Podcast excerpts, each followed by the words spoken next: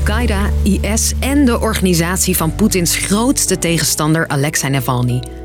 Sinds gisteren staan ze in Rusland in hetzelfde rijtje. Officieel staat de organisatie van Navalny nu namelijk te boek als extremistisch. Wat voor gevolgen heeft dat en waarom komt die uitspraak juist nu? Ik ben Sophie en ik leg het je uit. Lang verhaal kort.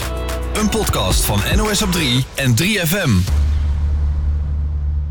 Allereerst, wat is er gebeurd? Poetin en zijn partij zijn al jaren aan de macht. Hij kreeg afgelopen jaren vooral kritiek van Alexei Navalny. Deze Navalny is Ruslands meest bekende oppositieleider en runt een anticorruptieorganisatie. Momenteel zit hij in een strafgevangenis. Zijn organisatie, de FBK, is nu door de rechter bestempeld als extremistisch, omdat de groep een opstand zou beramen met steun van het Westen. De organisatie van Navalny was in veel Russische steden actief. Ze organiseerden protesten, deden onderzoek naar corruptie bij lokale machthebbers en ze hielden verkiezingscampagnes. Maar met deze uitspraak wordt de organisatie van Navalny ontmanteld. De rechtbank heeft Navalny en de zijnen nu de mond gesnoerd. Een woordvoerder van de rechtbank zegt hierover. It was found that these organizations not only disseminated information that incited hatred and enmity against government officials, but also committed extremist actions and crimes. Correspondent Geert Groot-Koerkamp legt uit wat de uitspraak betekent. Het betekent concreet dat de organisaties met onmiddellijke ingangen zijn verboden en ook geen enkele activiteit meer mogen ontplooien. Maar dat is niet het enige.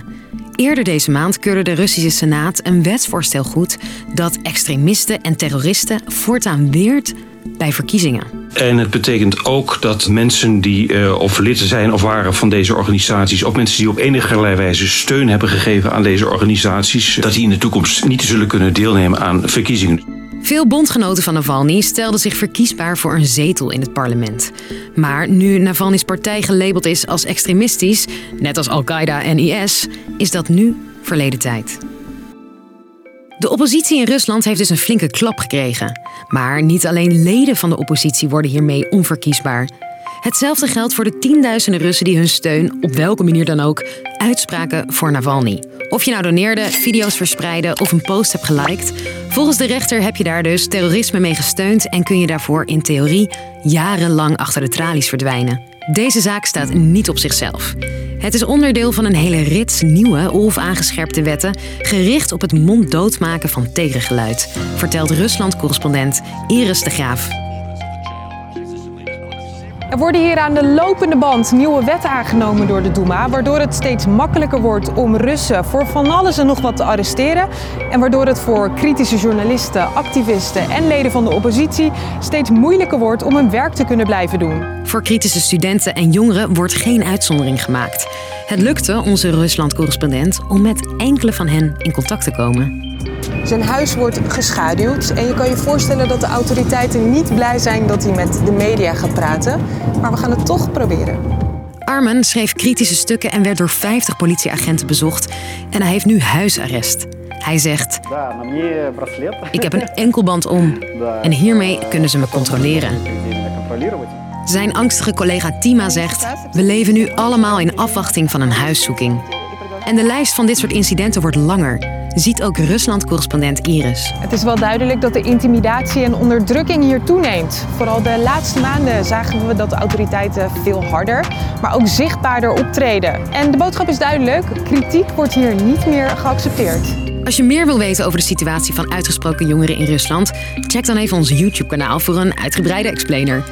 We spraken soms in het geheim met kritische Russische jongeren. Maar blijf voor nu nog even hangen in deze aflevering, dan vertel ik je nog wat meer. De timing van de maatregelen lijkt namelijk niet helemaal toevallig. Correspondent Iris in Moskou zegt daarover.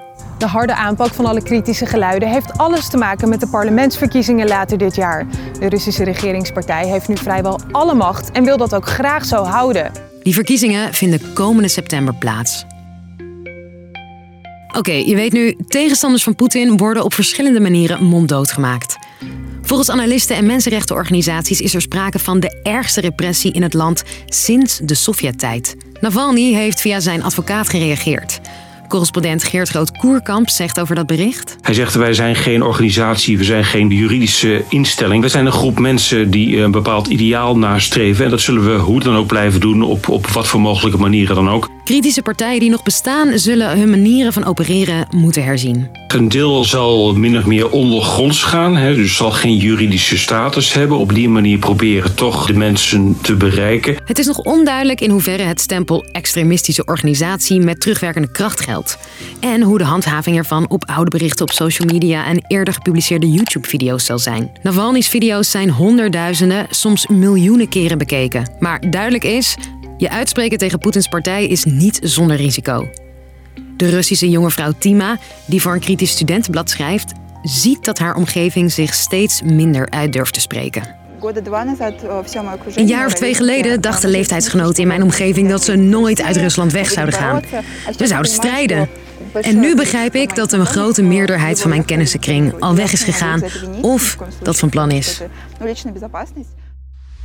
Dus, lang verhaal kort.